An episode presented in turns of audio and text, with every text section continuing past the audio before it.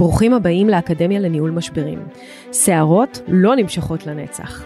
אני אימי בכור בוני, עורכת דין לענייני משפחה, מאמנת ומומחית לניהול משברים. וזה הפודקאסט שילמד אתכם איך להתמודד עם כל משברי החיים. נפגוש אנשים שעברו משברים מכל הסוגים. נלמד מהם איך צלחו את המשברים שלהם, איך אפשר לנהל את המשברים שלנו אחרת ולצאת מהם לא רק על הצד הטוב ביותר, אלא גם חזקים וחסינים הרבה יותר. הנה, מתחילים.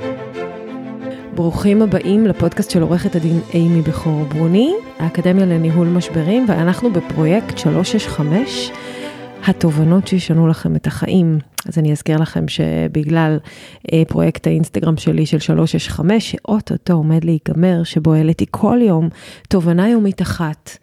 אה, שאמורה לעשות לכם איזה וואלה moment כזה, איזה רגע של הנעה לפעולה, איזה עצירה באמצע היום, והקשבה לתובנה הזאת ולבדוק איך היא מדברת אליכם, קשורה אליכם, ומה היא יכולה לשנות בחיים שלכם, החלטנו להפוך את זה לפודקאסט, ובשנה הקרובה, עד שיצא הספר של התובנות הגדול, אמ, אנחנו אה, נדבר כאן על תובנות, ובאמת אה, אני מזמינה אתכם להקשיב לפודקאסט הזה, לשלוח אותו לחברים שלכם, למי שאתם חושבים שייתן לו ערך, וגם לכתוב לי, לכתוב לי על איזה תובנות הייתם רוצים שאני אפרט יותר, אם יש תובנות ספציפיות אה, שנתקלתם בהן באינסטגרם או בטיק טוק שדיברתי עליהן והייתם רוצים לפתח או לשמוע יותר, או אם אתם רוצים תובנות בנושא ספציפי, אז תכתבו לי ואני אוכל אה, לענות אה, לכל הבקשות שלכם.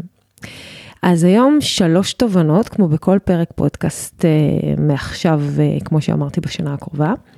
וזה ככה, ש, ככה שלוש תובנות נבחרות, זה לא, אנחנו לא עושים פה את כל ה-365, אבל תובנות שאני חושבת שהן חשובות.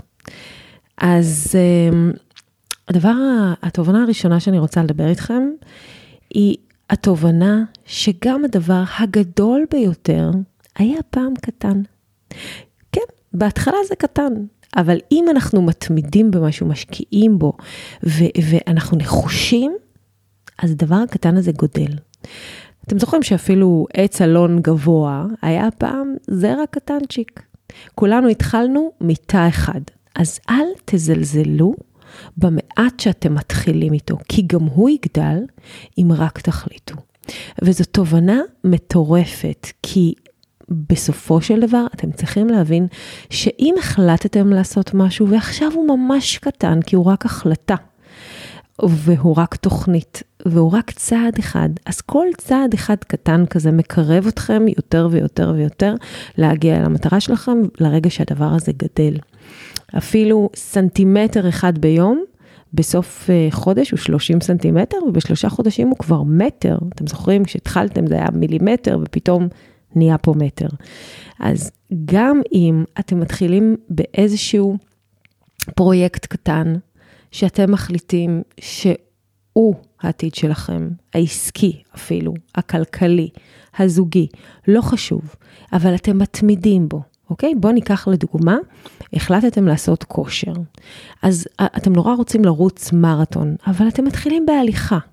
ואתם הולכים בבוקר רק חמש דקות, ואחר כך רק עוד עשר, וכל יום שעובר ההליכה קצת הופכת להיות טיפה יותר מהירה, בסוף אתם רצים קצת, רצים 500 מטר, קילומטר, ואופס, אתם מתחילים למצוא את עצמכם עצים, ויש איזה קו כזה בריצה, מי שרץ גם יודע, שאחרי זה, שאתה רצת כבר 6-7 קילומטר, די, זהו, זה כבר לא משנה, אתה יכול לגמור 8, 9, 10, 11, זה כבר ממש ממש אה, איזה breaking point שאפשר להתקדם ממנה.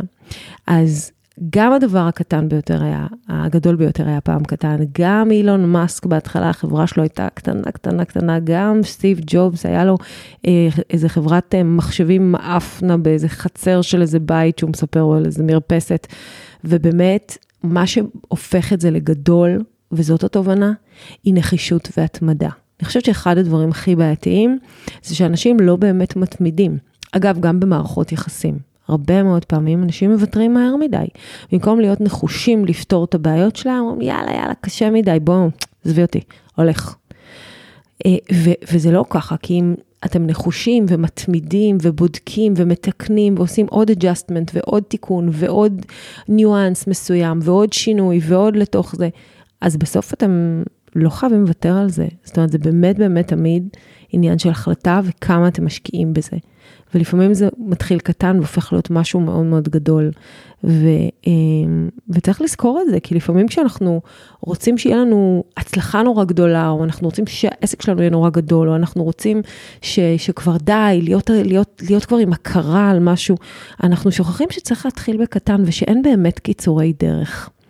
ו, ואין מה לעשות, בסוף אנחנו מתחילים, ואם אנחנו מתמידים ומגדילים את זה, המסה הקריטית מגיעה. אני זוכרת שאני הייתי נורא חסרת סבלנות לגבי ההצלחה שלי, וכל הזמן הייתי אומרת לבעלי, אבל למה אני עוד לא מצליחה נורא, ולמה זה לא, למה זה לא כבר קורה לי, למה אני לא כבר מפורסמת במה שאני עושה, וכבר די, ולמה אני עדיין צריכה לרדוף אחרי לקוחות. ואז הוא אמר לי, את תראי שכשיעברו עשר שנים, יהיה פתאום בום. ואחר כך יהיה עוד תקופה ויהיה עוד בום. ואמרתי לו, מה יקרה בעוד עשר, טוב, כאילו, מה יקרה בעשר שנים? אני די, אני חמש שנים, אני שש שנים, מה יקרה בעשר? ואני לא יודעת איך להסביר את זה.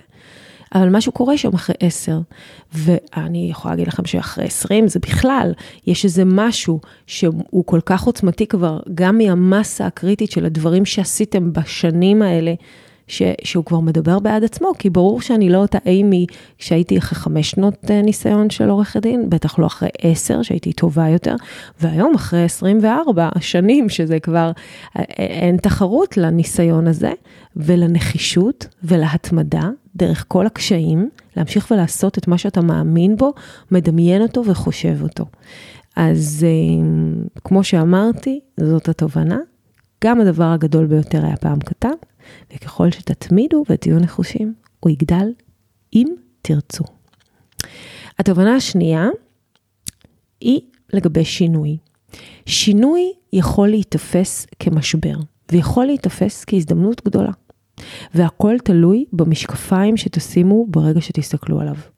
אם תחליטו שמעכשיו שינויים הם לא האויב, הם מרגשים, הם מפתיעים, מסקרנים, מאתגרים, תשתמשו בכל מיני ביטויים מאוד מאוד חיוביים, והופכים את החיים להרבה יותר מעניינים, אז, אז שינוי כבר לא משבר. אנשים נורא נורא נורא מפחדים משינויים.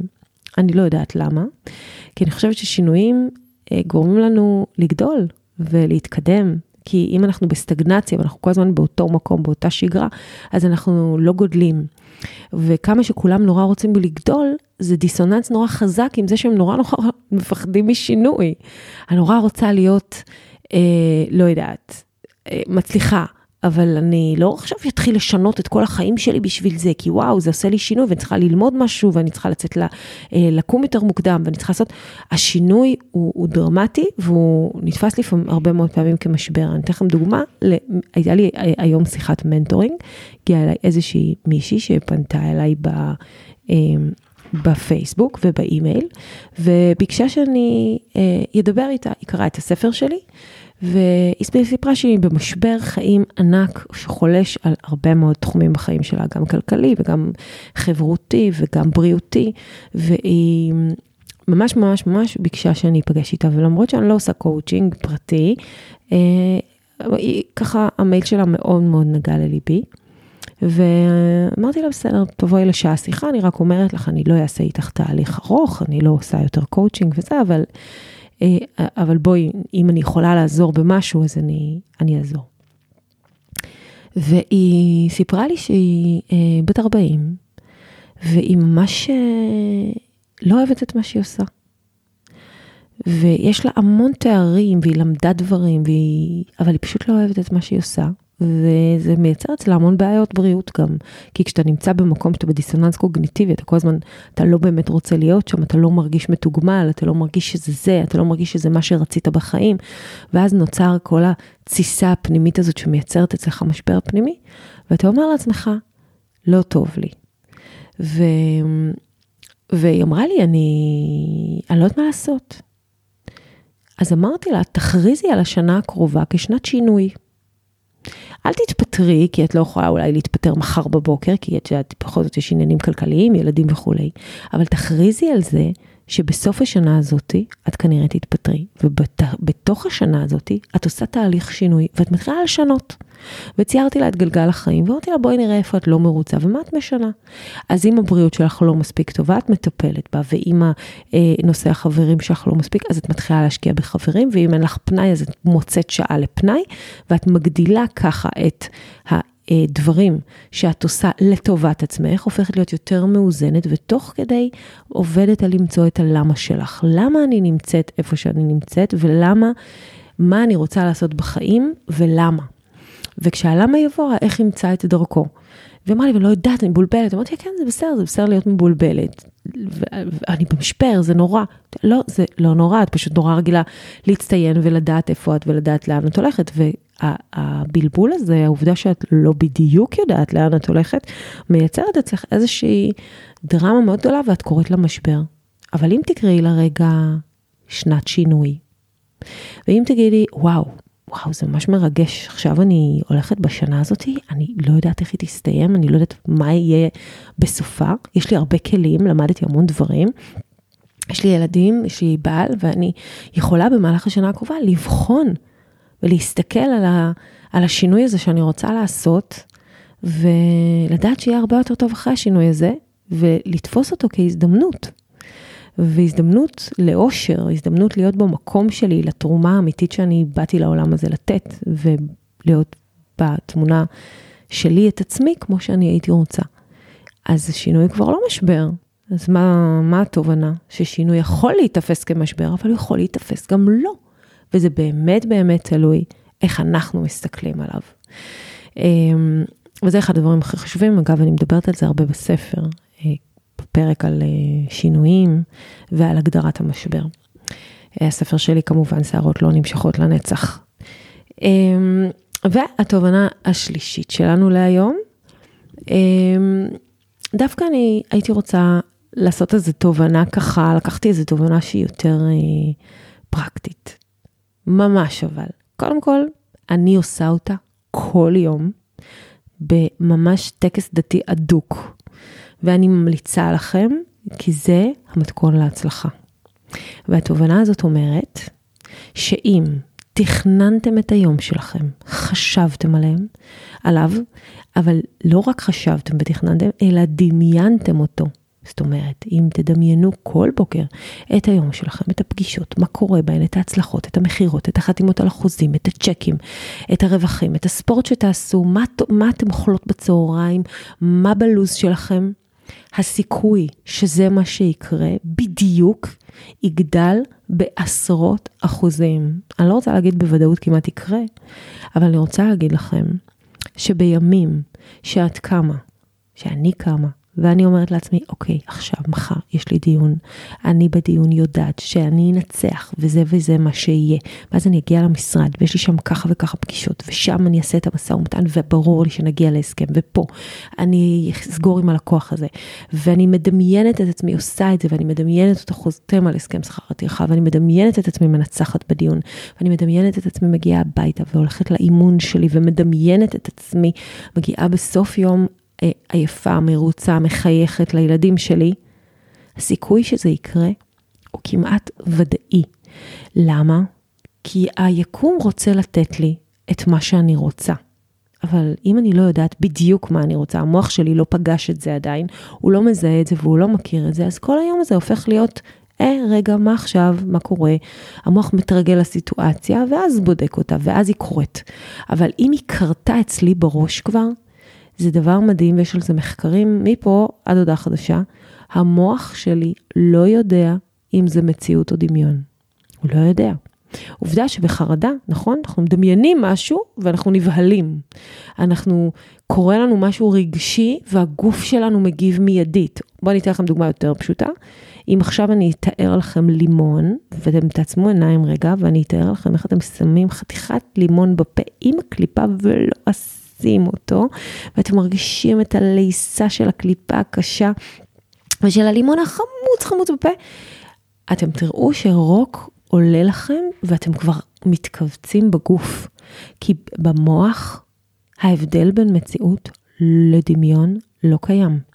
ברגע שאנחנו מראים למוח שלנו ממש ככה בדמיון, מה קורה ומה אנחנו רוצים להשיג, אז המוח שלנו, כשהוא פוגש את זה במציאות, זה לא חדש לו. זה לא אירוע חדש, ואז הוא כבר יודע מה לעשות. מה לעשות לנצח בדיון, מה לעשות שזה מה שיקרה.